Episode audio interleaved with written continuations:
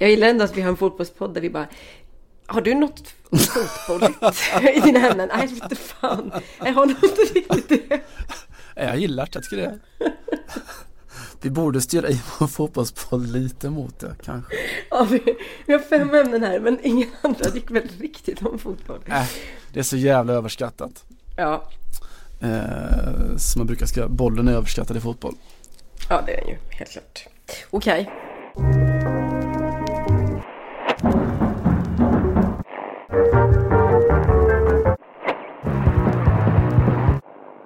Det fula är attraktivt, det fula är spännande. Kanske för att det är nyare. För mig är sökandet efter det fula intressantare än den borgerliga idén om skönhet. Varför? För att det fula är mänskligt. Ja, Johanna Frändén i Paris först och främst, var det där eh, rätt? Något du skriver under på? Ja, alltså det om man ändå kan på något sätt sammanlänka det med att man söker det imperfekta så kan jag nog ställa upp på det, absolut. Du har letat ett, helt, ett helt liv efter det utan att lyckas. jag har lyckats på ganska många plan ska jag säga. Nej, men det är klart att det finns något väldigt eh, banalt över skönhet och lycka och allt sånt som vi håller på och värdesätter. Men jag vet fortfarande inte riktigt vem du citerade, om det inte Nej. var dig själv. Jag tänker berätta det också och uh, göra det i det att vi välkomnar till Calcio Radicale, eh, Fotboll Radical, Football Radical uh, En fotbollspodcast där vi i våra spånmöten uh, spånar kring, borde vi inte prata lite om fotboll också? Men fuck that, den jag citerade var faktiskt uh, Miuccia Prada uh, i en då intervju med New York Times häromåret. Uh, och jag är ingen sån riktig Prada-fan men jag älskar såklart Miuccia Prada. Eh, och tänker öppna med att berätta lite om henne. Eh, Miuccia Prada, alltså när hon var tonåring så gick hon med i italienska kommunistpartiet. När hon var typ 20 så delade hon ut flygblad om kvinnokampen eh, inne i centrala Milano och gjorde det förstås då iklädd Yves Saint Laurent eh, direkt. Och nu fyller hon 70 snart, eh, fortfarande en fashion-radikal men har då typ 100 miljarder kronor på banken, är chefsdesigner på Prada och grundare av sin egen label Miu Miu. Och eh, jag ska leda in det till fotbollen genom att berätta vad hon sa i en intervju precis före jul här. Hon fick då frågan om vad hon gör när hon vill slappla av en smula Eh, hon sa, jag kollar på fotboll. Eh, när jag var yngre så handlade min bild av att slappna av egentligen bara om att bli vackrare, om skönhet. Jag solade, jag höll diet, jag tränade. Men i min ålder nu så är skönhet mindre intressant så jag föredrar att slappna av genom att ha kul. Eh, och jag var avundsjuk på män som hade så kul när de kollade på fotboll så jag bestämde mig för att bli fotbollssupporter. Hur fint är det? Alltså, det är bland det finaste jag har hört 2019 det var ju alltså också ta det eh, teoretiska greppet på det och bestämma sig för att man ska bli entusiasmerad eller mm. intresserad av något som eh, fotboll som ändå är så pass vad ska man säga, det är ju inte, så, det är inte en sån teoretisk eh, kunskap eh, att vara supporter kan känns det som. Nej, alltså jag vet inte om det är mer eh, sådär kanske katolskt möjligt, alltså eh, hos oss, vi, vi, protestanter så är det väl frälsning genom tron alena och så vidare, hjärtats väg. Men katolikerna kan man ju handla sig till frälsningen. Det är väl det hon gör då, bestämmer mm. sig bara. Mm. Eh, men coolt hur som helst, alltså jag älskar eh, bara den eh, beskrivningen av hur man hur man kommer fram till att ja men det här med att slappna av, det borde man egentligen göra genom att ha kul. Men det där stärker ju lite min tes också att det värsta som finns är att vara eh, kvinna 40 plus i mm. västvärlden. Mm. Alltså det är inte det värsta är inte att vara i västvärlden. Det är kanske det bästa för de flesta kvinnor. Men eh, för oss kvinnor i västvärlden så är, är det någonstans där när liksom allt börjar falna. Mm. Kanske sker lite tidigare men de flesta kan ändå, man kan hålla upp liksom till, eh, tills man går in i 40-årsåldern. Och då kompenserar väldigt många med extremt eh, hurtiga uppdateringar på sociala medier och man börjar kalla sina kompisar för tjejgänget och man börjar mm. göra, man börjar liksom återupprepa den här, eh, det man gjorde när man var 20 fast med lite mer pengar och kanske lite mer, lite godare smak och så. Mm. Och att det blir en sån jävla teater och någonstans känns det som att på andra sidan 40, kanske efter 50-55 så kan man bli lite mer Prada och ha mm. kul igen och släppa alla idiotiska skönhetskrav för att det är inte så intressant. Det fula är faktiskt dessutom roligare och lite intressantare. Ja, det finns ju inget som utstrålar ålderskris och ångest mer än uh, den där tillkämpade livsvisdomen. Nej, uh, faktiskt. lite så. Nej, men det var också högkonjunktur på att citera de där grejerna som stod längst ner i filofaxen, om du minns. Minns inte du, för att killar hade inte filofax, men det var liksom så kinesiska ordspråk och en massa jävla idiotiska grejer som man inte fattade när man var 20 och som man fattar ännu mindre tror jag när man är 43 och liksom storstadsstressad och försöker hålla upp eh, fasaden på alla håll.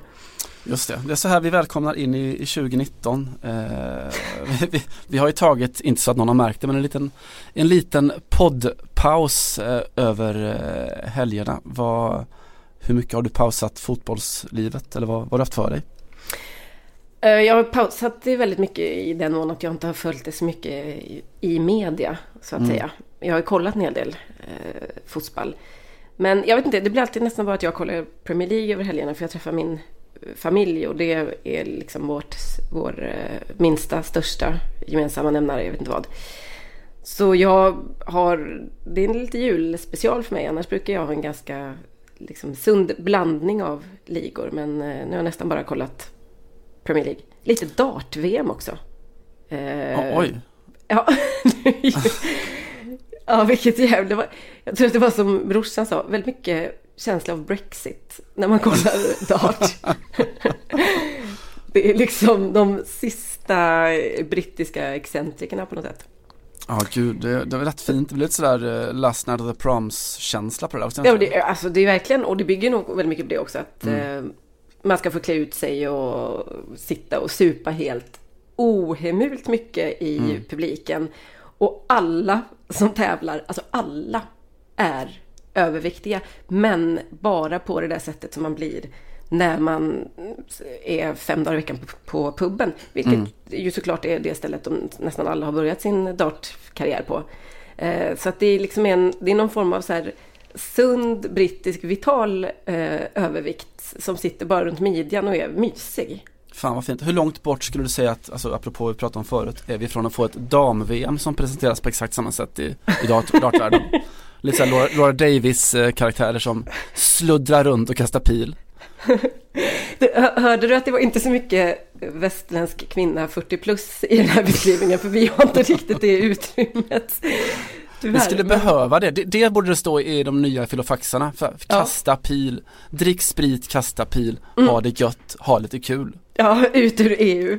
ut, ut ur EU.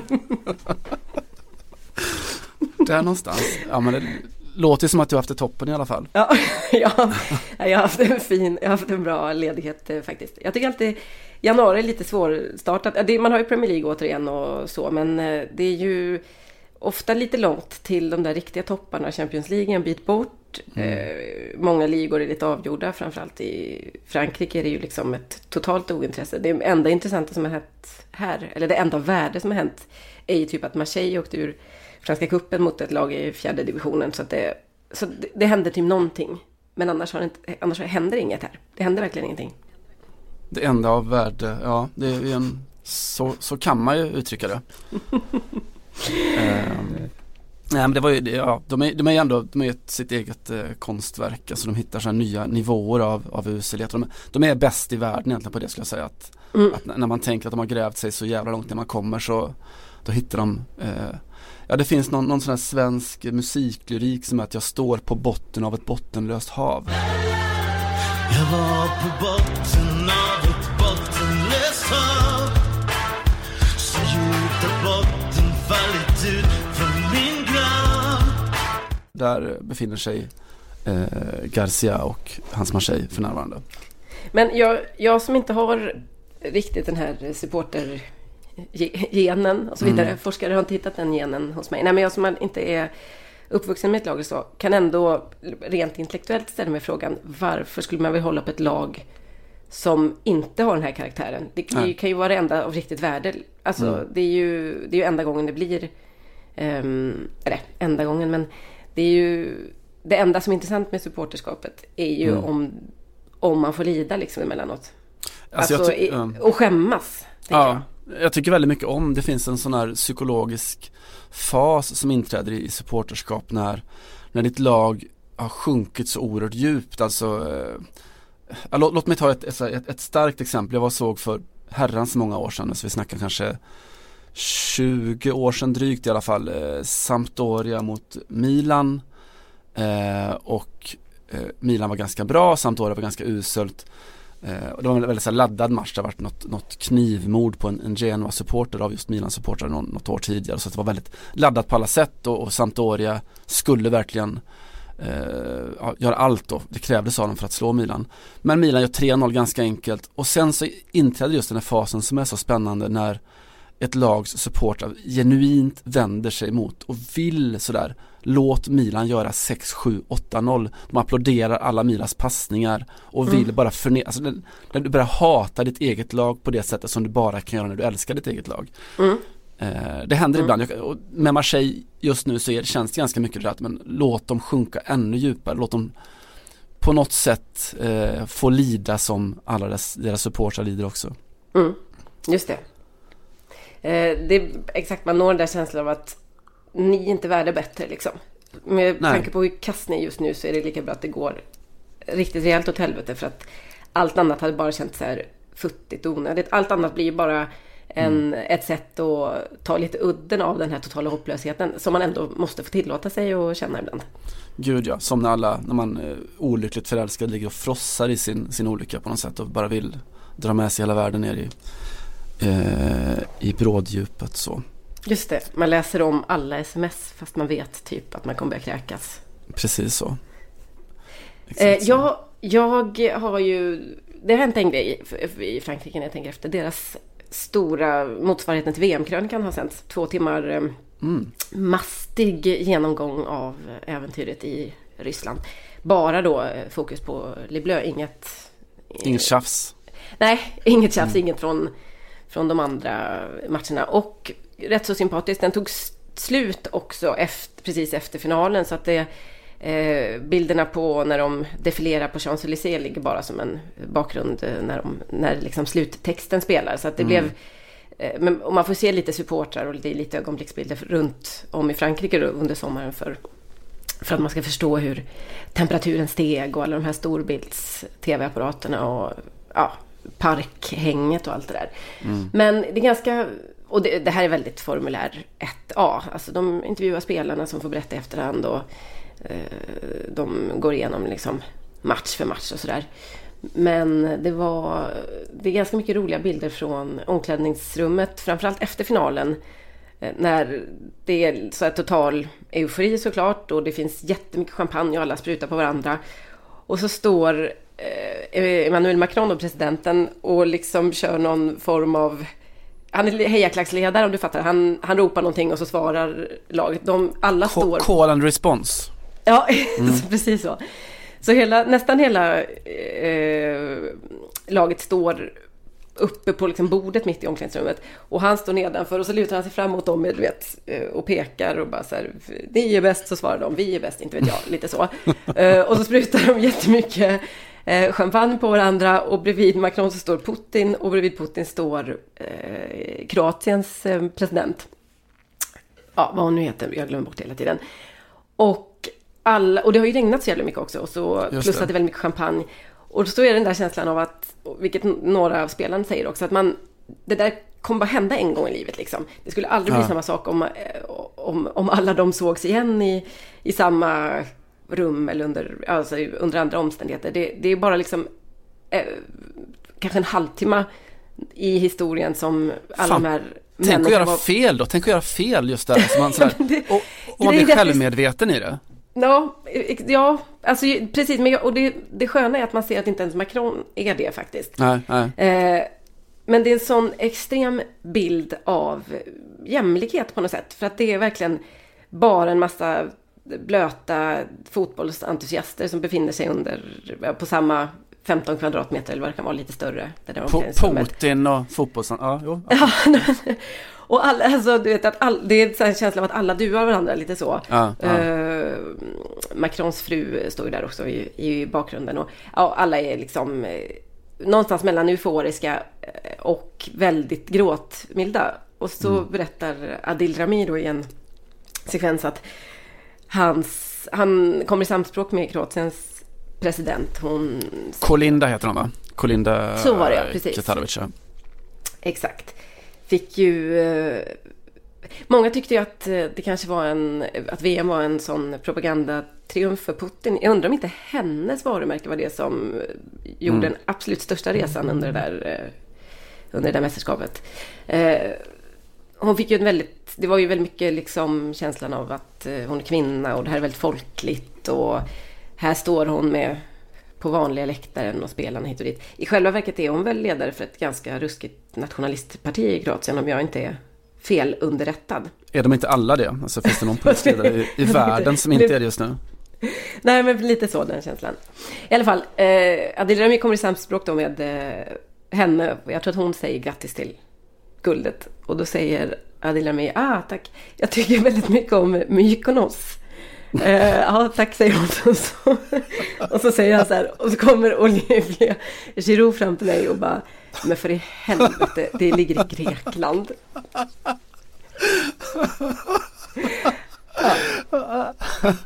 Ja, och man trodde inte att man kunde älska Adil Rami mer eh, än man gör. Men Nej. herregud, är himlen. Förresten, vet du vad hon säger? Hon säger inte grattis till guldet, nu kommer jag på, hon säger jag tycker, Grattis mycket till om tjejen. nej, jag tycker mycket om din mustasch. Säger hon. Så är det. Ja, ja, det är helt det. sant. Och vilket faktiskt är exakt de raderna som eh, Pamela Anderson ska ha inlett deras relation med. Eh, Ja. Också. Så att, eh, ja, lite av en pussy magnet. Ja, gud. Ja, men briljant. på det om man inte får säga sånt i podd. Men, Jag tror man får det. ja. Men det, är, det är väldigt, eh, ja det är kanske det roligaste med, eh, med hela krönikan. Men, Men alltså ganska, alltså sådär dubbelheten för, för Kolinda just den dagen. Att förlora en VM-final, jättetufft. Men att få Mykonos, en bra liv. alltså, i, I rena turistintäkter och liksom BNP och så vidare så tror jag att det kanske är ändå en, en vinst som man är beredd att ta. Hon har ju dessutom slagit igenom med dunder och brak i, eh, i TV. Mm, just det. Bara få, bara få mig i tv. Nej, Hon, to- hon tog ju så mycket på Macron den där dagen. Det var ju liksom, Mm. Hon hade ju någon form av så här taktil kontakt med honom hela tiden. Så att det spreds ju ganska mycket kul bilder på eh, Brigitte Macron när hon sitter Mm. lite bredvid. Och, du vet, med typ eh, jag vet en som kommer få sova på soffan i natt och så vidare. Ja. ja, Macron, han hade, alltså fanns någonting sån där eh, totaldrängfyllan över honom. Inte det att han var berusad men att man kände att det här är en kille som som pikar så oerhört hårt precis exakt just här nu. Mm. Men gud, gud vad det kommer hända grejer sen. ja, ja, ja, exakt så. Ja, det känns väldigt mycket så. Han, han, det är också kanske en, ett av få tillfällen där, man, där han inte riktigt kan hålla tillbaks. Det är väl också det här problemet med att vara typ 40 år och, och, Mm. Och en av världens mäktigaste. Men att du känner, man, alltså där måste han ändå känna att jag är nästan lika gammal som de här. Liksom. Han är ju bara pyttelite äldre än Mm. eh, ja, Giroud eller Lloris. Eller vem, vem är äldst i... Det var, det var ju ett rätt ungt gäng det här. Men hur som helst. Roligt, roligt. Deuxième étoile heter den. Andra stjärnan. Eh, den finns väl inte på några så kallade streamingtjänster. Men eh, man kan säkert hitta den om man är frankofon och går in på TF1. Den eh, franska 1, kanal 1. Deras hemsida. Macron som ju är dessutom Marseille-supporter så ja 2019, här kommer vi. Drick sprit, kasta pil, ha det gött, ha lite kul. Ut ur EU. Det har hänt en annan sjuk grej Simon. Nu kommer jag på det. Det har hänt lite grejer faktiskt. Bra. Eh, den, det här är jätte, jättesvårt och, och jag, ska inte, jag vet inte om det är svårt att hantera men det, jag kan väldigt svårt att bestämma mig om vad jag tycker om det här. Men eh, Andres Iniesta har i alla fall varit i Spanien och eh, firat jul och framförallt har han firat det som är väldigt stort i Spanien och även i Sydamerika. Eh, de tre vise männens eh, högtid, alltså det som vi kallar trettondagsafton. Det här är jätte, jättestort i Spanien. Det är rätt många familjer firar egentligen inget speciellt den 24-25 utan klapparna och allt det kommer just på trettondagsafton. Eller i, någon gång under trettondags... Trettonhelgen heter det va? Eh, Iniesta har slagit på stort och eh, dragit ihop tre utklädda då vise män, vilket inte är så vanligt. Lite som att man har en tom, tomte hemma kan man säga.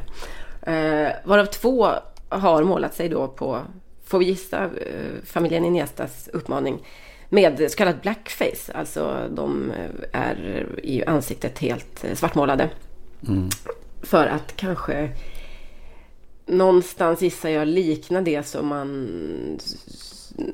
när man pratar om de här tre så, och, och, man, och, när man ser bibliska bilder så, så är det väl Kasper. Melker och Baltasar eller vad de, vad Ja, exakt. Mm. Vet inte vem av dem som skulle vara lite vitare men hur som helst, detta är tolkningen och eh, detta har ju fått ringar på vattnet är kanske fel ord, men eh, en kritikstorm mot eh, Andres Iniesta och eh, alla som vet någonting om eh, den här problematiken kring det här, eller varför det är problematiskt, är inte förvånad över det här. Blackface, alltså den här traditionen att vita människor målar sig svarta, är, eh, har en lång och eh, mycket problematisk, för att inte säga rent rasistisk historia. Framförallt i amerikansk nöjesindustri så var ju det här väldigt vanligt för hundra år sedan och senare dess också.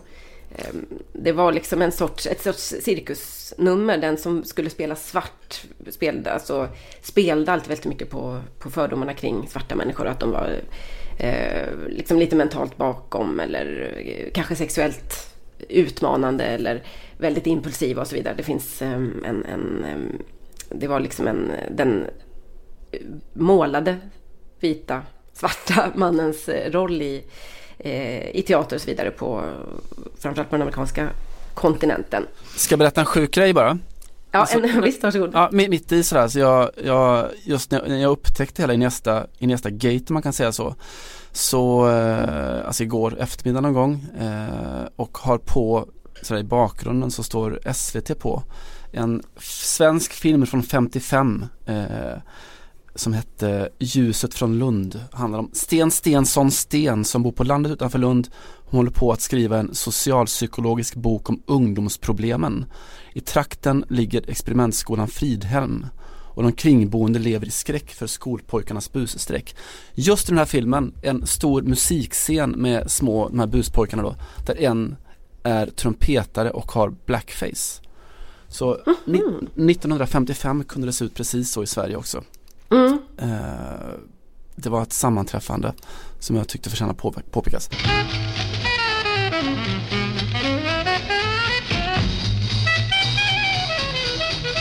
Du har ju helt rätt. Det började för länge sedan i, i uh, USA till exempel. Men det här fanns ju hela vägen in på uh, 60-70-talet fanns det i alla fall i, i liksom bildkonst och i återgivning kan man säga av uh, svarta och eh, ja, men även i liksom barnunderhållning och sånt där så, eh, så förekom det här alltså, och framförallt kanske att man återgav de eh, svarta som eh, som barnsliga eller tokiga eller roliga. De fick, det var alltid de epiteten eller de, de egenskaperna som tillskrevs.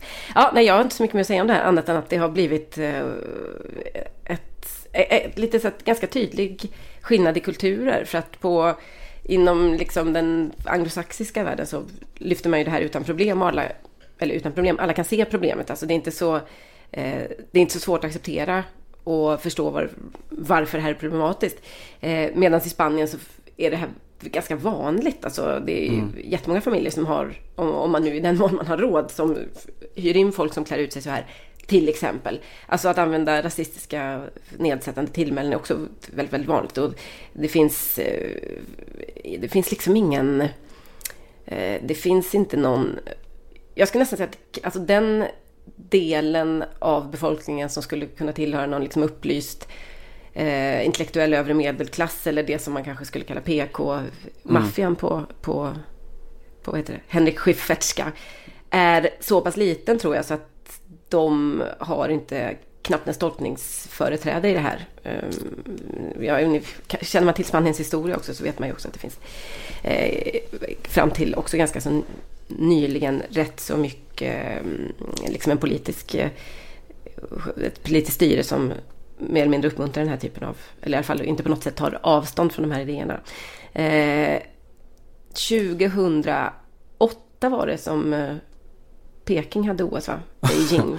Jag vet vart du är på väg någonstans. Ja. Då åkte Spaniens... ah, Okej, okay, sorry att jag skrattar men alltså det, man kan nästan inte göra annat. Då åkte Spaniens eh, baskettrupp till OS med en bild när alla gjorde liksom sneda ögon, alltså med fingrarna så här. Här kommer vi, Kina. det, var, det, det var en sån här reklambild också tror jag att det var. Det var en sån här ren sponsorgrej. Ja, alltså det var, in, det var inte som den här senaste Premier League-grejen, att man råkar sitta i, på en middag och, så, och råkar heila lite. För vem det här var det? ju Det här var ju lagbilden. ja, nej, men det är så förtvivlat konstigt på alla sätt. Eh, och så fick de jättemycket kritik och stora spelare som Pau Gasol, alltså ett helt gäng som spelar i, i NBA som alltså spelar med, alltså som spelar med, inte bara med mycket svarta spelare utan med de mest kända svarta mm. eh, eller afroamerikanerna egentligen, alltså då, och de, de rikaste och de mest inflytelserika i, i den amerikanska kulturen tyckte liksom inte att det här var så mycket att, att orda om. och Fick du gå ut och be om ursäkt i efterhand och så. Men ja, det var som någon sa, hur, hur kan det här hända i fotbollen inom idrotten som är så blandad? Alltså, det, mm. ingen fotbollsspelare på hög nivå har ju uh, undgått att vara lagkamrat, dela omklädningsrum, dela uh, plats eller vad heter det, säte på bussen, vad du vill, med uh, en spelare som är svart. Alltså det är ju helt, det har ju inte Iniesta gjort heller. Det har ju framförallt inte kanske Pau Gasol gjort då, i, som spelar basket och så mm. vidare. Pratas det aldrig om det här då? Och eh, man får väl konstatera att det gör kanske inte det. Nej men alltså just den, alltså den latinska sfären är väl alltså väldigt speciell. Alltså det finns ju tusen miljarder exempel. Alltså när Lewis Hamilton körde Formel 1 nere i Barcelona. Det fanns sådana här blackfaces på hela läktaren. Det står liksom att vi är Hamiltons familj. Eh, och, och de, de, de blev intervjuade och sa men det har inte ett dugg med rasism att göra. Vi bara, vi bara retas liksom. Ja men vadå retas? Ja, men, och dessutom så är han inte riktigt svart. Så här, jaha, ja men då så.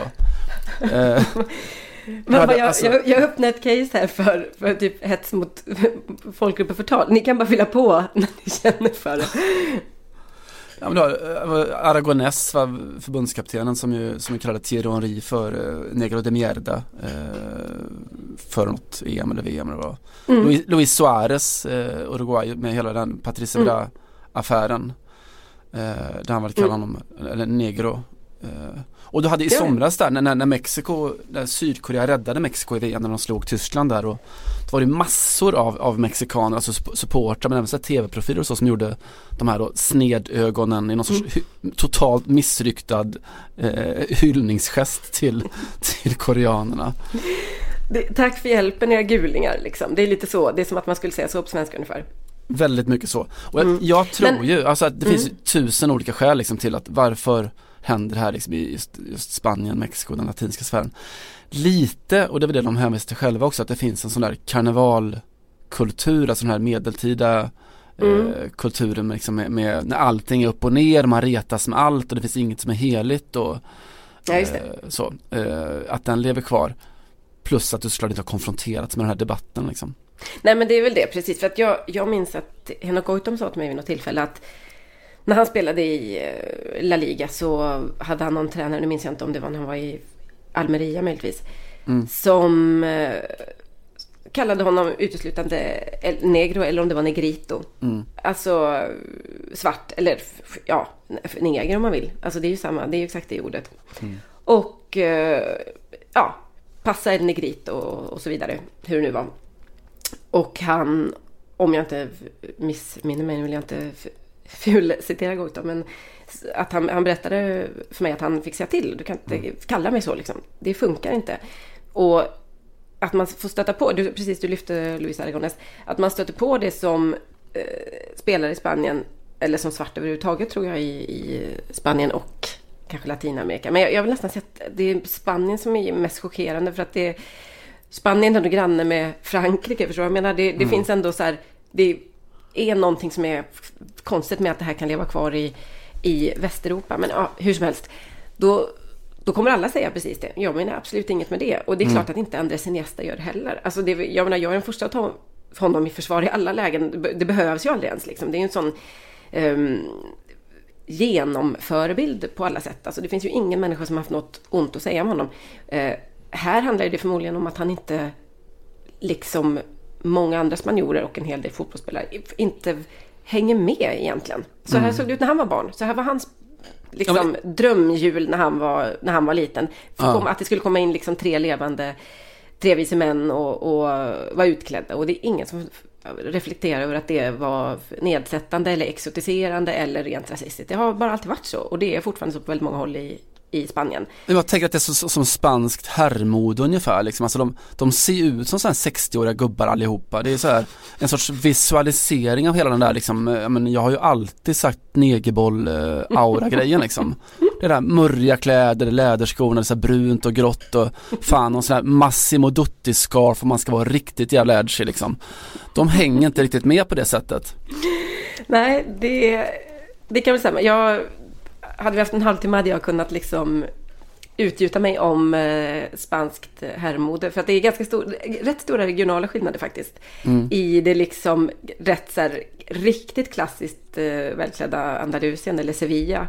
Där man liksom, folk kan gå runt i tredelat och ja du vet ser lite aristokratiska ut. Och mm. Eh, Barcelona där det är mycket så här två dreads, en munkjacka, en liksom sån här uttänjd öronpiercing och en spliff. Så att det, men skitsamma, det, jag förstår vad du menar. Det, är väl, det gemensamma är väl att det inte är ett land som är kanske så, ligger så i framkant. Kanske just på den fronten.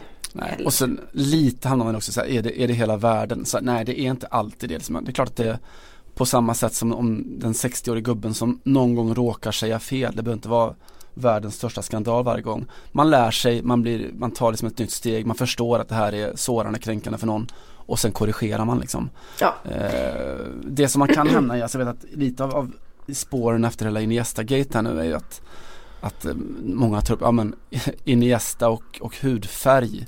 Han har ju så att säga själv blivit retad för, för att han inte är svart så att säga. Eh, och det finns ju alltid hela den där liksom, i alla den här sortens diskussioner så finns ju dagisargumentet sådär, ja men tänk om det vore tvärtom då. Sådär, ja men du vet att, mm. att, att, kalla någon för blatte får, får, man ju inte men att kalla någon för svenne det går bra liksom. Mm. Eller det där, ja men tänk om en, en man hade sagt så om en kvinna någon gång, då hade det blivit ett jävla liv. Mm. Eh, och det där är ju Ja, det vet... där är ett eh, riktigt sånt intellektuellt hållbart argument. Jag, jag lyssnar alltid till det. Tycker alltid det kommer riktigt bra och här, riktigt smarta utläggningar i den typen av tänk om. Det är, en, det är, en, bra, det är en bra kolon är det, eller hur? det är ett jävligt bra kolon. Mm. Eh, dock skulle man kanske kunna säga så här, om man ska bara göra ett rent så här sociokulturellt eh, dra en sociokulturell slutsats kring detta är det kanske att Andres Iniesta är världens kanske vitaste fotbollsspelare och då pratar jag inte om hans hudfärg men jag, mm. det finns nog få som är, jag har känns som att de har tar mindre intryck kanske mm. av ska jag säga afroamerikansk eh, populärkultur till exempel. Mm. eller eh, eller ja. postkolonial eh, och eh, antirasistisk debatt. Det känns som att hans värden och världsbild är någon annanstans. Och de han är inte är... François Fanon om man säger. Nej, och han är inte, jag tror inte att han lyssnar på Drake om du förstår vad jag menar. Nej, Fast vad vet jag i och för sig. Men det känns eh, väldigt mycket som en, eh, eh, kanske världens vitaste fotbollsspelare även om man bortser från hur han ser ut. Där har du alltså parallellen med just Griezmann som ju var i en likadan eh, blackface-gate och som hade lite mindre att skylla på om man säger så då. som älskar allt som har med svartkultur att göra. Han vill mm. ju bara bo i typ ett getto. Han vill bo i Compton liksom i en riktigt fin, alltså en superblingad bostad och mm. spela basket. Det är väl det han vill egentligen. Ja, och vem fan mm. vill inte det? Ja, jag kan klara mig, ska jag vara helt ärlig med. Eh, just från eh, jag, jag har jättesvårt för hela den här. Jag tycker faktiskt det är, det här är också en helt annan debatt. Men jag är typ lite besviken varje gång fotbollsspelare kommer ut med att de älskar NBA eller ja. NFL och sånt. Jag tycker, för jag tycker att det är typ kanske det enda om, fotbollen är ett av väl två områden där, där Europa står sig så fruktansvärt som en så fruktansvärt stark motpol till USA. Eller där vi kan trycka till Ja, dem så himla, så himla hårt. Eh, rent liksom kulturimperialistiskt. och då tycker, jag, då tycker jag det är en sån otrolig besvikelse att eh, de hela tiden måste Svassa. så, exakt Mm. fjäska för eh, den här eh, NBA och NFL-kulturen. Du ska Mm. sy ihop den här Johanna Frändén i Ja, takt med tiden. Där är man, där är man.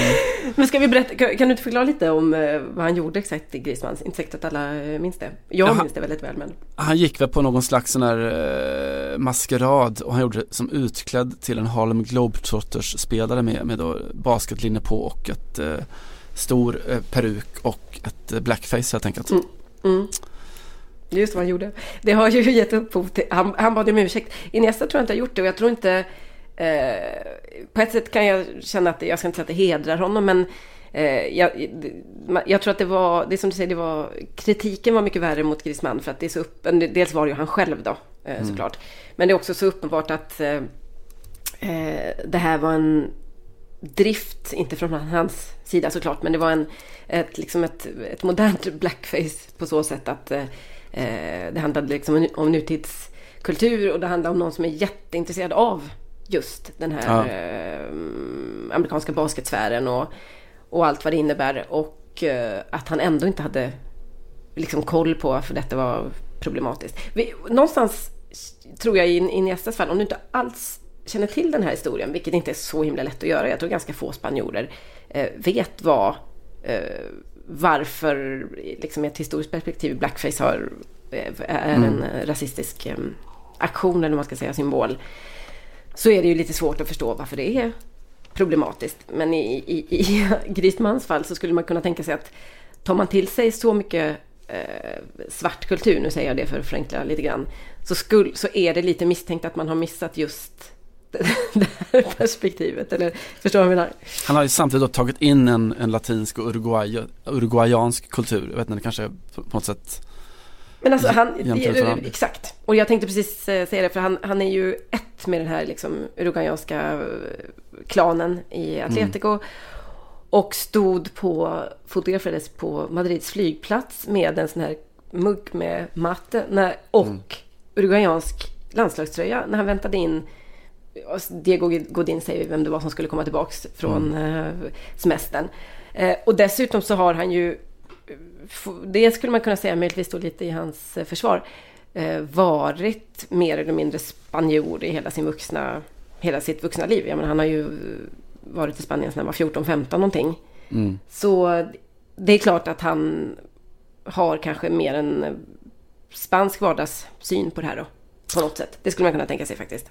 Mm, ja det tror jag Men det han hatar ju att vara, jag märker att han hatar att vara fransman. Han vill bara vara allt annat. Han vill vara uruguayan, han vill vara kanske amerikan, spanjor. Men han vill, det enda han inte vill är att vara fransk liksom. Och det är han. Ja, Han är ju det verkligen. Det är lite Mm. tufft och sköt hem ett VM till dem och sådär. Eh, Mm. nej, ska man sy ihop hela, hela den kulturella approprie, approprieringsdiskussionen då med, mot spansk fond så ska jag vilja berätta en, en historia om en, en gammal eh, kompis eh, till mig som en gång då för många år sedan var inbjuden på maskerad i, jag tror att det var Barcelona, kan ha varit Madrid också. Eh, och eh, temat för maskeraden var Indios y vaqueros, alltså indianer och cowboys. Eh, vaquero är alltså cowboy på spanska. Mm. Också Eh. det spanska ordet för jeans om ni vill Just det, få en just sån specialkunskap. Eh, alltså sådär en totalt kulturell approprieringstema eh, på en maskerad. Och eh, min eh, då gamla kompis fick höra det där eh, och eh, ja, Baquero kan jag väl klä ut mig till. Så han gjorde det. Han tog på sig José Marie Baqueros Barcelona-tröja och gick dit. Ja, du vet att jag intervjuade hans eh, Baqueros dotter. Dotter, just det, Mm. jag såg den. för Offside. Hon, jag gjorde ett långt reportage där om Classico. Hon jobbar ju numera på Mundo Deportivo. Mm. Eh, ja, en eh, speciell uppväxt i Barca-familjen som eh, hon berättade om. Där, där kan man prata ingångar. Ja, den var fin. Mm. Eh, ska också snabbdroppa, eh, vi spelar in det här på tisdag förmiddag i kväll så är det första eh, ligacupsemifinalen eh, Tottenham mot Chelsea där finns också en sån där, om vi går in i PK-minfältet eh, och den kulturella approprieringsdiskussionen så det har varit jättemycket uppmärksamhet kring, eh, kring antisemitism och rasism på Chelseas läktare. Det är nog säkert alla väldigt bekanta med, inte minst då Raheem Sterling Gate. De har ju också en historia av sig då att just mot Tottenham eh, köra en del eh, delar av deras eh, supporter som kör då eh, rent vidriga antisemitiska eh, ramsor. Det är liksom Spurs are on the way to Auschwitz eh, och så vidare. Totalt, totalt, eh, totalt vidrigt. De kommer komma till eh, till bortamatcher med sina egna publikvärdar och med nolltolerans mot alla sorters av rasism och antisemitism. Det som är spännande just med den här grejen är också då att eh, även Tottenham då som eh, eh som sagt många bekanta med då själva då tagit på något sätt makten över begreppet då att vara judarnas klubb. Eh, de kallades ju för då, skällde, skälldes för jids och Jews på under många, många år eh, och valde själva att sno det då. Att man kallar sig själva för jids istället, alltså i någon sorts pendang till hela den här svarta fäblessen för att prata om niggas liksom. Eller gay-rörelsen. Exakt, Det var väl ordet gay som var det här typiskt första som man tog till Exakt. sig. Det användes negativt och så bestämde man sig för att då, men vi är gay. Mm. We're here, we're queer, get used to it. Precis den. Mm. Eh, nu då, det blir ju mer så här känsligt och kittlande just med vad gör vi med att eh, det står 15 000 Spurs-supportrar. Jag har varit en av de som står och kör liksom jids, jids. Eh, och då det finns det flera stycken sådana judiska organisationer som då nu fått med sig tror jag klubben Tottenham också ombord på att säga att nej det här är inte, alltså alldeles oavsett om man använder det som ett pejorativt eller om man använder det som en, en hyllning till sig själva så det är så oerhört historiskt laddat med mm. JIDS-begreppet mm. som skällsord så att det spelar ingen roll vem som säger det, hur man säger det. Ge fan i det helt enkelt. Ja. Eh, ja, nej, ja, precis. Det finns ju någonstans så finns det ju en gräns där för hur mycket man ska ironisera och, ta, och som du säger, vända på begreppen och, och så vidare. Um, det är lite som kvinnor som kanske kallar sig själva slats och så vidare. Just det. Nej men vi, eh, vi lär oss, vi blir lite bättre, eh, vi går vidare. Det är så det funkar. Och eh, återigen, Men Chelsea har också en eh, alltså judisk supporterdel, är det inte så? Alltså alla har väl alla supporterdelar i de här stora klubbarna. Eh, mm. så, men, men det är som mer, mer traditionellt historiskt så har ju, alltså herregud de har, de har Roman Abramovic som ägare. Men, men att historiskt okay. så, så har, mm. har Tottenham eh, och ja, ja. King White Hart Lane varit mer. Ja, det är fan. ja, precis. Nej, jag bara minns eh, att jag läste något eh, vittnesmål för många år sedan från mm. en riktigt tung Chelsea-supporter. Mm. Eh, som var jude och som berättade om detta. Kanske kan mm. återkomma i det ämnet om jag hittar eh, detta, vad det var för någonting. Jag minns inte riktigt det nu. Mm. Okej, okay. ska du dit eller? Eh, nej, jag ska faktiskt eh, tv-jobba på, på distans. Det är planen. Mm. Det är lite nice. trist också. Dubbelmöten har ju förstört eh, kuppen faktiskt. Ja. Alltså Spurs-Chelsea i all ära men, men Manchester City mot Burton i två matcher. Undrar vilka som vinner. Ready to pop the question? The jewelers at BlueNile.com have got sparkle down to a science with beautiful lab-grown diamonds worthy of your most brilliant moments. Their lab grown diamonds are independently graded and guaranteed identical to natural diamonds, and they're ready to ship to your door. Go to Bluenile.com and use promo code LISTEN to get $50 off your purchase of $500 or more. That's code LISTEN at Bluenile.com for $50 off. Bluenile.com code LISTEN.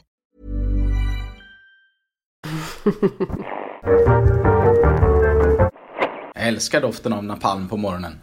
När vi ändå är inne på Premier League och det är typ det enda som har hänt under julhelgerna. Ska vi ställa en liten prognos? Jag måste säga att jag är, blev lite tagen på sängen som ganska många över eh, att eh, City höll på helt plötsligt att tappa greppet och mm. Pep Guardiola börjar se ut som att han börjar se ut som den där mannen som Alltså geniet handlade mycket om att han hade en, liksom en aura på huvudet. Så var den borta mm. helt plötsligt. Och han stod och hade inga riktiga förklaringar. Och Eh, det kändes som att nu kan vad som helst hända. Sen var det en imponerande comeback får man säga i matchen mot Liverpool.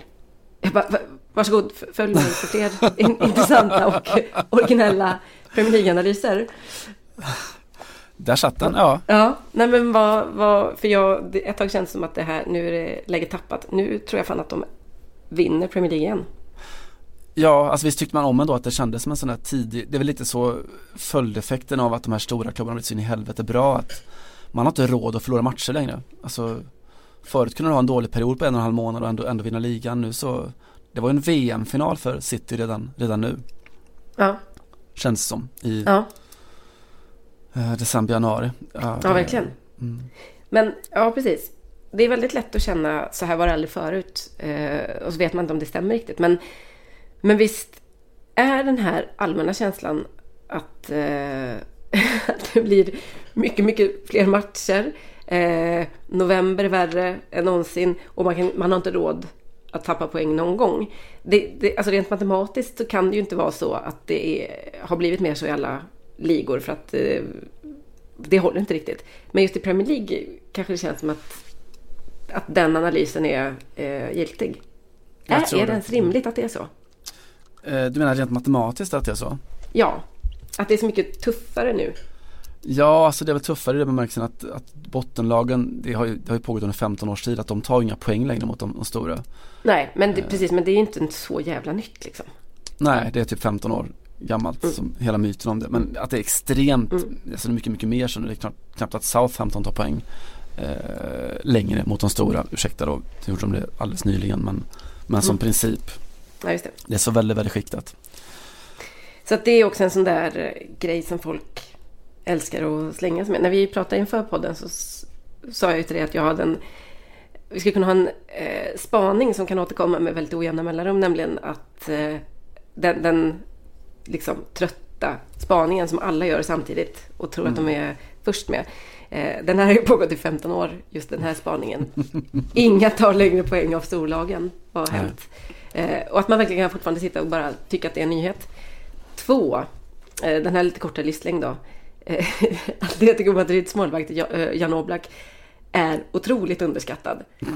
Jag vet inte hur många människor som har sagt det de senaste typ två, sex, åtta månaderna. Eh, och kanske framförallt de sista två veckorna. Det är som att väldigt många fotbollstyckare liksom kastar ur sig det här på kanske på Twitter eller säger i en tv-studio och är så fett nöjda med sig själva. För nu Mm. har de jävlar mig slagit huvudet på spiken. Jag skulle ut, utnämna detta till eh, 2019 års tröttaste spaning. Ja, Den första trötta i alla fall. Den första av många trötta spaningar får vi hoppas. Alltså är den är nästan så att den, den i princip blir trött i samma ögonblick som du tänker den första vill säga för vad kan det vara, tre år sedan när Jan Oblak kanske var lite underskattad. Så när man har formulerat den för sig själv så känns den redan gammal liksom. Ja, exakt så. Framförallt så är väl den här eh, idén, alltså det är så, alla ingredienser är trötta. Här har vi en målvakt. Oj, de är alltid, alltså de kommer få alltid en uppmärksamhet. Han spelar inte i något stort landslag och herregud liksom. Det är så trött så att man typ somnar när man tänker tanken. Tre, Atletico Madrid ett lag som vi alltid eh, underskattar. De får aldrig så mycket uppmärksamhet som de borde. Trippeltrött. Ja, det är trippelgäspning faktiskt på den eh, sp- spaningen. Så, nu har jag fått det ur kroppen också. Gud vad skönt. Ska vi, Ja. gå, ska vi gå vidare mot vad som skulle kunna, kanske hålla på att bli ett rekordlångt eh, avsnitt Simon? Ja herregud, här får, det, här får det redigeras och klippas tänker jag. Inte säkert att det behövs. Folk kan ha saknat oss eh, också. Jag eh, ska skicka ett litet tack och en liten blinkning till er som hör av er i, i sociala medier. Jag finns ju på Twitter, Simon finns ju ingenstans med annat än i etern. Men vi har också fått ett litet Twitterkonto i poddens ära skapat. Fotboll Radikal eller Podcast Radikal kan ni eh, söka på och där eh, finns lite eh, ja, extra material och lite explainers till det vi pratar om ibland, länkar och så vidare. Och pigga spaningar kanske. och, och, men även supertrötta spaningar tänker jag skulle kunna få plats där på sikt. Har du tänkt på det här med att, att, eh, att Leo Messi bara rankades som femma? Att det, var, det kändes jävligt konstigt. Alltså vad fan är det för fel på folk? Alltså folk kan fan inte fotboll. Han är ju jättebra ju. Alltså kolla statistiken också.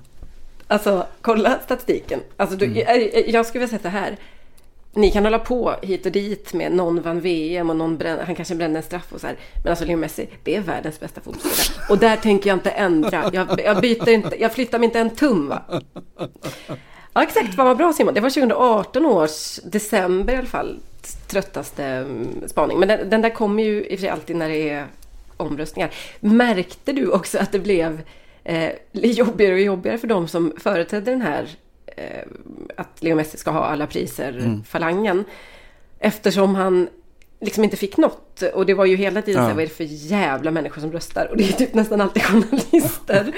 och så typ gjorde, eh, eller så är det kanske då journalister och förbundskaptener och spelare och så vidare. Ja, det har ju varit lite olika eh, konstellationer i, i Ballon d'Or till exempel och Fifa-priset så. Men så gjorde Guardian sin stora eh, genomgång. Där jag, ja, precis. Där jag är med bland annat. Vi är några röster från Sverige. Och de har ju, men det är inte bara journalister, det är också en del för detta spelare faktiskt. Men jag tror nästan alla de spelarna har någon form av expertroll mer eller mindre. Liksom. Mm. Skitsamma. Och så blev han ändå då bara, jag tror att det kanske var femma där också. Eller? Ja, han blev inte topp eh, två i alla fall. Mm. Jag tror inte han var topp tre heller. Och då, blir, och då blir det också så här, då, då var det fortfarande någon som orkade, men kanske bara två stycken den här gången, bara så här, men vad i helvete är det för fel på folk? Har de ingen jävla aning om vad, hur fotboll fungerar? Och då börjar det kanske halta lite. Mm. Det kan inte vara så att tio omröstningar slår fast det här. Och alla typer av eh, fotbollsexperter, spelare, förbundskaptener, tränare, lagkaptener. Alla har sagt sitt. Och fortfarande är, fattar alla de fotboll sämre än eh, en svensk eh, Twitter-trio. Ja, det, det, det är spännande. Det, det är spännande. Mm. Och det jag kan ställa in lite en gardering. Jag tycker nog att Leo Messi är världens bästa fotbollsspelare. Men det är ju oftast inte frågan. Det tycker frågan väl är... alla. Jag tycker väl alla hela tiden tycker väl det. Det handlar inte ja, om det. Nej, det handlar ju om eh, året som gick och säsongen som gick. Och eh, stora definierande ögonblick är en del av det. Och det är till exempel att göra ett dåligt VM. Eh, även om man inte har, citat, hjälp av lagkamraterna, citat slut. Eh, det kan vara att missa att bomma en mm. straff i ett eh, extremt viktigt tillfälle i en match i VM till exempel. Och så vidare. Sånt, sånt spelar in. Annars så blir, då kan man skita de där priserna. Då kan man bara göra en statistikgenomgång och plocka fram vem som har varit bäst. Det är inte så svårt. No, eh, la, la, Ska vi vidga våra perspektiv och gå vidare i världen och prata om något som eh, det pratas alldeles för lite om tycker jag. Mm. Eh, Invandringen? Mm, in jag, tänkte, jag tänkte ha en spaning där. Nej men jag tänkte sådär vidga lite ifrån, eh, Asiatiska mästerskapen pågår ju som bäst, eh, Erik Niva är utsänd för Sportbladet och bevakar med den äran. Eh, in, Vad glad man är ja. över det. Visst är man glad mm. att det fortfarande finns någon slags ambitioner här i eh, sportjournalistvärlden och lite perspektiv och allt. Eh, faktiskt. Också, eh. också lite liten påminnelse om att eh, man, och det här tycker jag gäller ju även för eh, alla möjliga ligor och damfotboll och vad du vill. Det handlar ju ofta bara om att eh, väcka intresse på ett eh, kul sätt och hitta bra stories och så. Så mm. får egentligen vilken turnering som helst lite liv. Jag ska inte låtsas som att jag har suttit klistrat på något sätt eh, framför det. Men jag, man hänger ändå med på ett sätt som jag inte hade gjort om inte han hade varit där. Det är ju lite så här lathetsmässigt, det är lite som när, när eh, förr om åren när det var, bevakades från början väldigt mycket med Paralympics och så. Och det var sådär, det finns så extremt mycket bra berättelser för mm. att ingen har, har, berättat om dem förut. Så det var liksom mm. bara ett stort smörgåsbord mm. eh, att komma till att börja sortera ur. Ja. Eh, Anywho, eh, Indien är där och spelar. De slog Thailand i första matchen eh, enkelt och eh, möter nu då Och det var första gången de vann en fotbollsmatch i Någonsin, överhuvudtaget. Nej men var det inte så 30 ja. år sedan eller var det ännu mer? Ja, jo, de, de, är rätt kass liksom. Eh, mm. de, är, de är generellt idrottsmässigt kanske världens mest eh, underpresterande eh, land ju. Och, och, där, har vi, där har vi liksom kanske 2005 års tröttaste spaning. i fotbollsspaning. Alltså Indien med alla sina jävla invånare. Hur kan de ha så jävla kass på fotboll? Exakt det. Eh, det kan mm. man prata om men det ska väl inte. Eh, Nej. Vi kan ju skicka en blinkning till vår ärade kollega och vän Kristoffer Krocko Bergström som i alla fall vet att de är bra på kabaddi. Exakt, eh, och vem, om man fick välja att vara bäst på kabaddi eller, eller fotboll har man valt kabaddi alla dagar i veckan. Ja. Eh, men alltså Indien och, och fotboll, jag tänker liksom inte då trilla ner i 2005 års eh, slöaste spaning men jag tänker eh, sådär zona mig in mot det jag egentligen vill prata om genom att prata om saker som jag inte vill prata så mycket om. Eh, alltså Indien är speciellt i det att de har två stycken högsta ligor som inte kommer överens med varandra. Man vet alltså inte vilka det är som är Alltså de har typ en, en allsvenska, Indian Super League och så har de en allsvenska till som heter I-League. Eh, vilket ju är lite speciellt. Mycket speciellt. Eh, Vilken och, spelade Bojan Djordjic i undrar jag mest? Han spelade det som heter Super League va? Eh, och eh, det där är liksom lite så här talande för hela eh, det politiska läget i, i Indien också. Eh, uppe i Västbengalen, därifrån kom det en sån här fascinerande historia nu före, före jul någon gång. Om en klubb då som eh, då tidigare stöttats eh, politiskt då av det här eh, förra storpartiet då, det sekulära eh, sossepartiet eh, All India Trinamool Congress. Men som då senare nu har börjat stöttas av eh, BJP, alltså regeringspartiet då, eh, Narendra Modis då mer högerpopulistiska, hindu-nationalistiska eh, parti. Och det som hände då före jul var att det skulle hållas någon sorts... Det är en sorts... Indiens Sverigedemokrater skulle man kunna säga. Alltså det är verkligen också sjukt hur den här eh, så här högerpopulism ser likadan ut överallt. Det är karbonkopia med lite kulturella avvikelser, är det inte så? Precis överallt och, och låt oss komma dit. Eh, mm. Men först fotboll då. Eh, ja. Jo, det, de... Ibland får man ta den långa omvägen. Ja, även i en fotbollspodd. Den långa vägen hem. Eh, jo, de var alltså bjuden till en turnering då. De skulle spelat en turnering då i eh, november någon gång. Den här klubben då. Och eh, när det då är dags för match så dyker eh, laget upp. Eller två olika lag dyker upp och båda hävdar att man representerar samma klubb då. Båda de här lagen är stöttade varsitt politiskt parti. Oj. Eh, och det blir bråk och slagsmål och flera förda till sjukhus och sådär. Alltså symboliken i det på något sätt. Mm. Och därifrån då, eh, låt oss zona in mot eh, det andra då, eh, det andra Indien, det politiska Indien.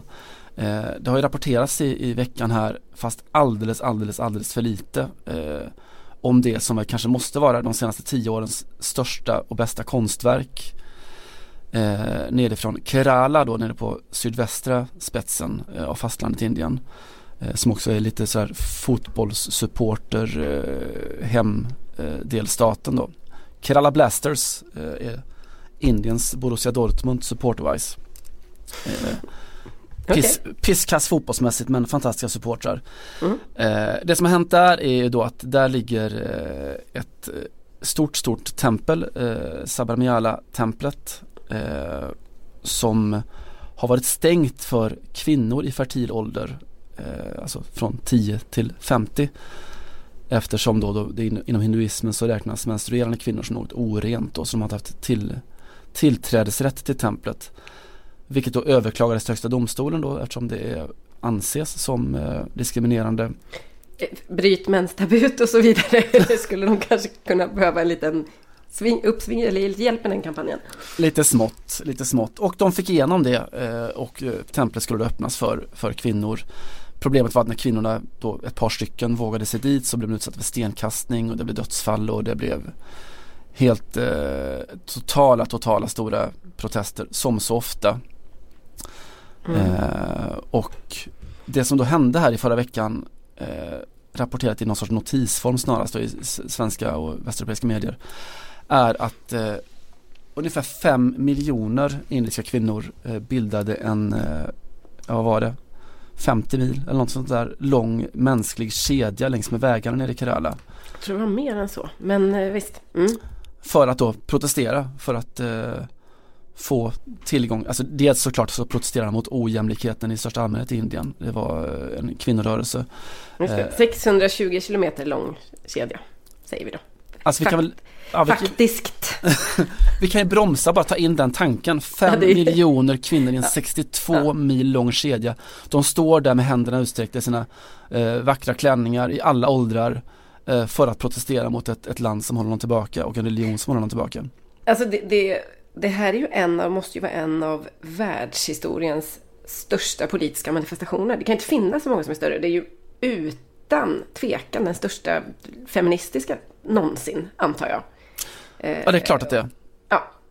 Det är klart att det är. Ja, det, är, det, är helt, det är helt svindlande. Det är helt svindlande. Det är så otroligt... Man får så otroligt mycket frågor kring det här, ehm, eh, så att säga, både före och efter. Mm. Var kom det här ifrån? Varför vet vi ingenting om eh, någonting som händer i världens största land, alltså rent populationsmässigt? Ehm, ja, jag vet inte, jag skulle kunna råda upp några till också. Men ta Ja, det i land för all del. Ja, alltså när, när denna moder var ju i Sverige på statsbesök i, i fjol eh, Mm. och hennes, eller hans parti då, BJP, har ju också då legat bakom liksom, alltså vill, vill eh, hålla kvar förbudet för, för kvinnor. Mm, det. Eh, det hänvisas och det här, är ju, det här det tar någon sorts sån absurd vändning då att, att den gudomen som, som dyrkas i templet, Ayappa, en av Shivas söner, är alltså någon slags sån där överste superduper guden för incels. Alltså han levde, i, han levde i celibat. Därför tycker man att vad fan ska det springa massa fertila kvinnor runt i, i den hinduiske celibatgudens tempel. Det är ett stort jävla incel-tempel det var det. Det här är ju eh, kanske det liksom slutliga intrigen som skulle, alltså som skulle, ändå till slut skulle kunna få mig att intressera mig för Bollywoodfilm om du förstår vad jag menar. Mm. Om de gör det här riktigt bra. Alltså det finns ju så mycket, too many jokes som man säger. Mm. Ja, det, det kan man säga. Och då, och då säger jag som, eh, som Zlatan Ibrahimovic brukade göra, all respekt för eh, religionen men, och sen så har man Mm. absolut ingen respekt för religionen men, efter det. Jag ska ge honom ett erbjudande han inte kan stå emot, okej? En av, ska man säga, Västeuropas kanske äldsta, han är inte incel på något sätt, men en rätt så eh, lämplig och andlig förebild för den här rörelsen av män som är jävligt trötta på, på liksom eh, listiga och eh, slampiga kvinnor. Mm. Det här är inte en supertajt övergång, men nu är den i alla fall. För nu kommer vi tillbaks. Nu är vi tillbaks till Frankrike, förstår du.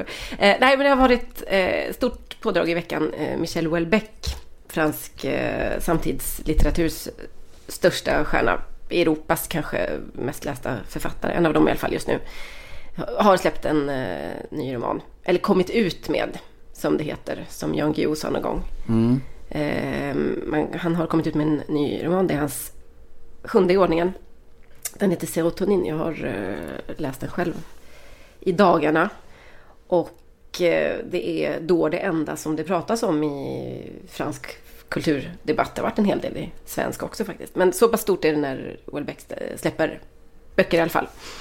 Eh, han skriver i eh, slutet av boken, eller hans huvudperson, antihjälten som man får följa, eh, löser ett eh, abonnemang, ett tv-abonnemang. Han har liksom en tillvaro där han mest flyter runt och bor på hotell på någon liksom nedsatt tariff och så löser han ett abonnemang. Men till och med, till och med SFRs, det är motsvarande Telia då kan man säga, sportutbud eh, gör honom uttråkad på slutet.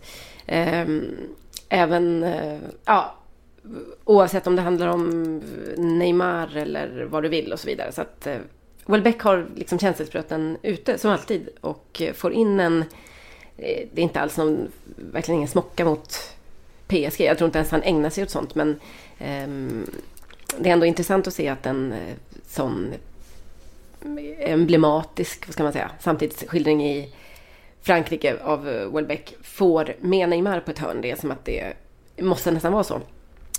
Och Fint. detta, ja. Var, var det därför han fick, eh, jag sa att han fick ju hederslegionen i, i Frankrike eh, i veckan.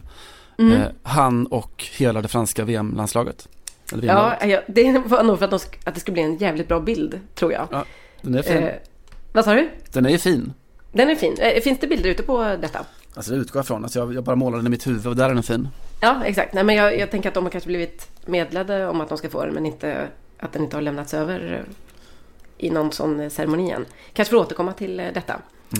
Eh, jag vet inte, detta fick mig i alla fall att eh, tänka på det oundvikliga. I, Döden. Ja, lite döden. Och lite vem som är vem. Eh, och därför tänkte jag lansera en quiz där du ska få svara på frågor. Jag har tagit ut några citat. Och det blir eh, upp till dig att avgöra om vem av eh, de här två liksom, maskulina förebilderna som har sagt det ena eller andra. Är det Michelle Houellebecq eller är det Danny Welbeck? Och eh, var befann du dig när du insåg att de hade samma namn och så vidare? Just det. Eh, det är inte så, jag tror inte jag behöver förklara reglerna mer än så. Jag berättar, eller jag kommer citera den ena eller andra så får du gissa vem det är helt enkelt. Ska vi börja? Eh, vart är vi på väg? Kör.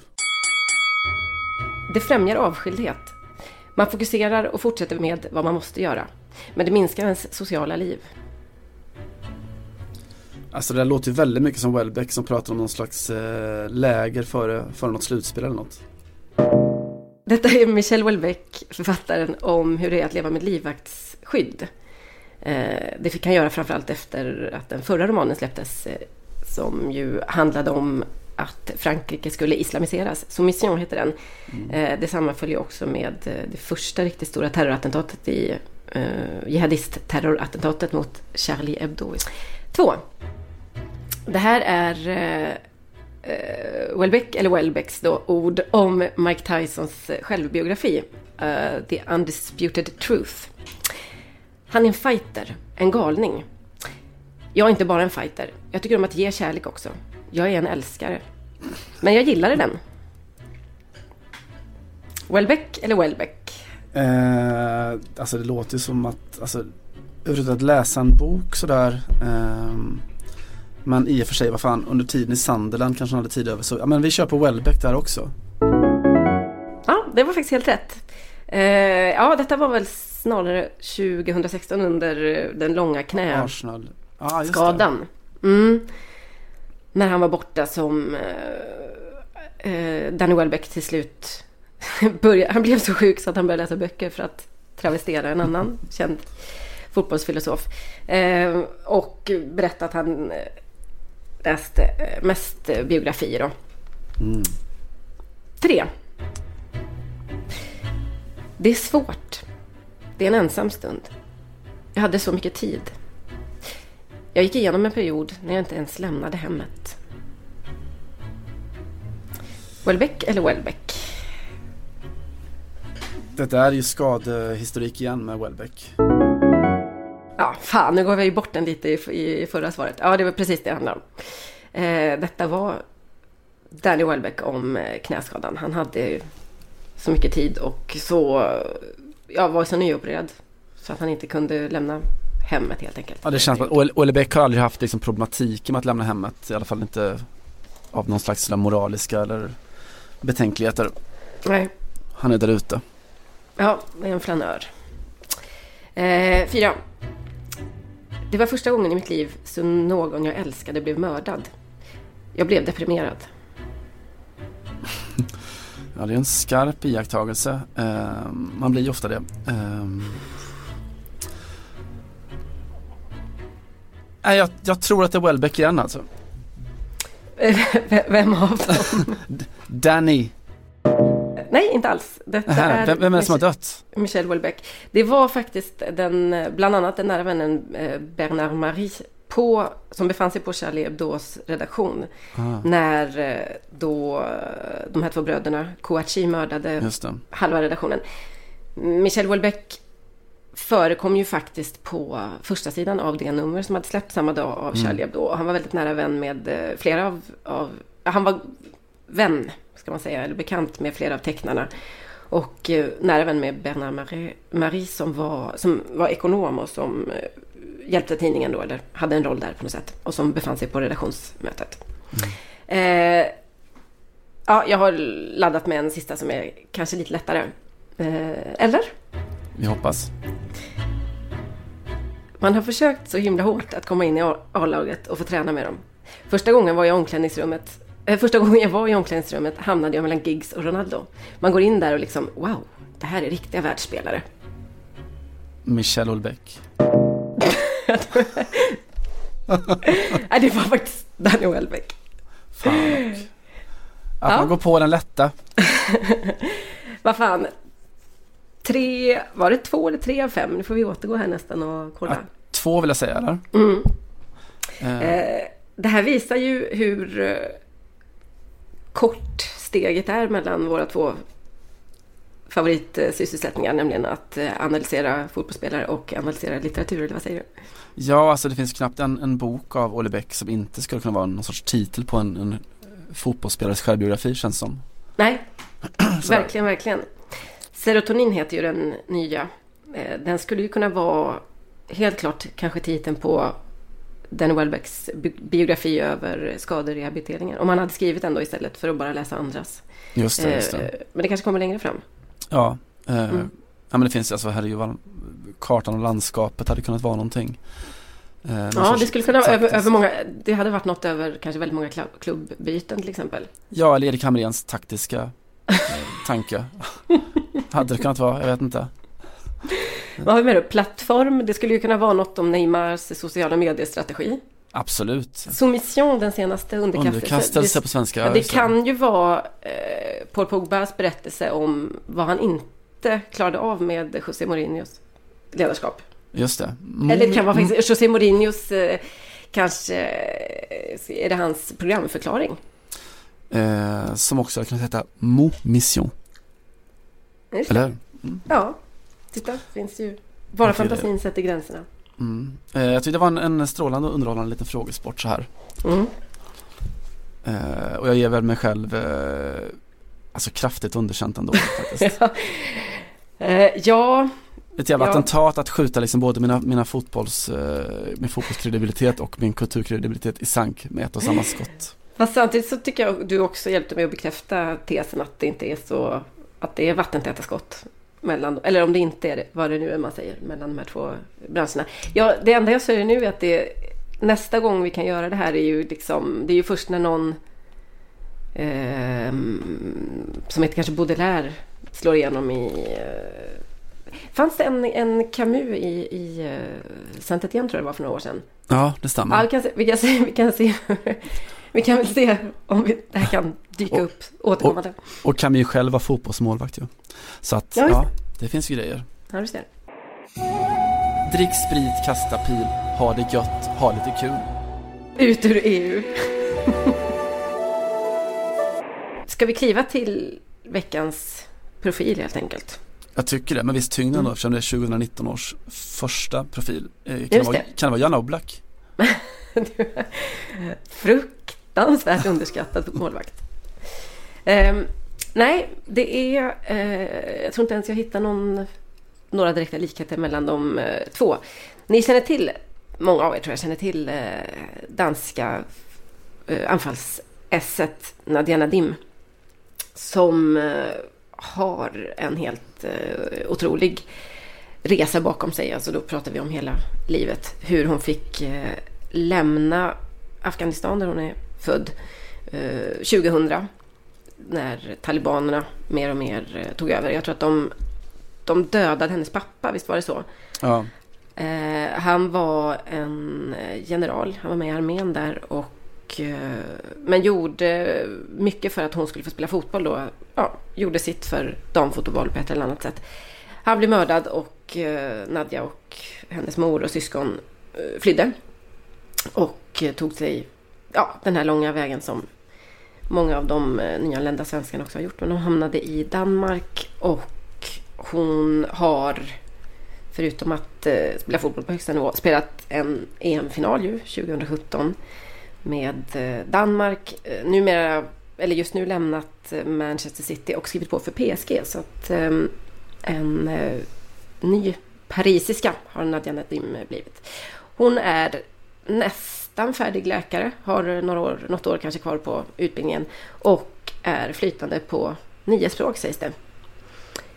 Eh, Nadia Nadim har vi förhoppningsvis inte sett det sista av än. Hon är 30 år men hoppas att hon håller i några år till. En gigant på väldigt många sätt såklart inom eh, damfotbollen och fotbollen generellt. Bienvenue à Paris, säger jag till henne mm, det förtjänar hon. Det är också ett bra namn, är det inte det?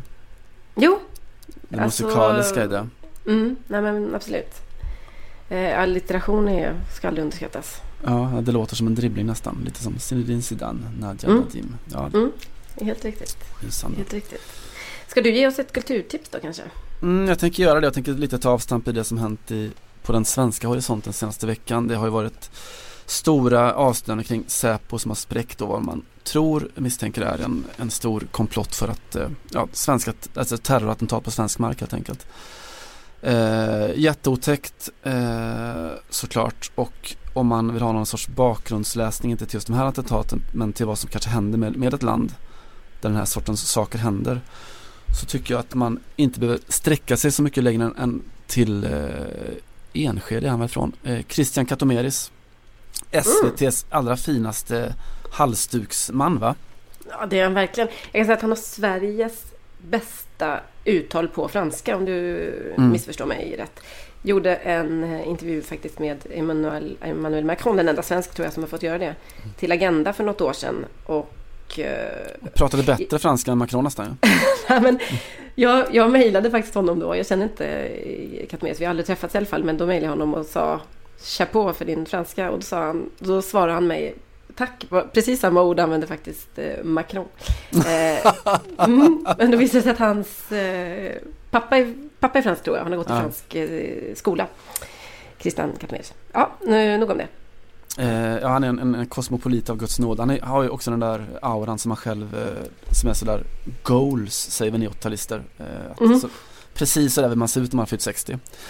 Eh, han har skrivit en bok efter då attentaten i, i, eh, i Paris eh, 2015 som heter Träffande nog efter attentaten.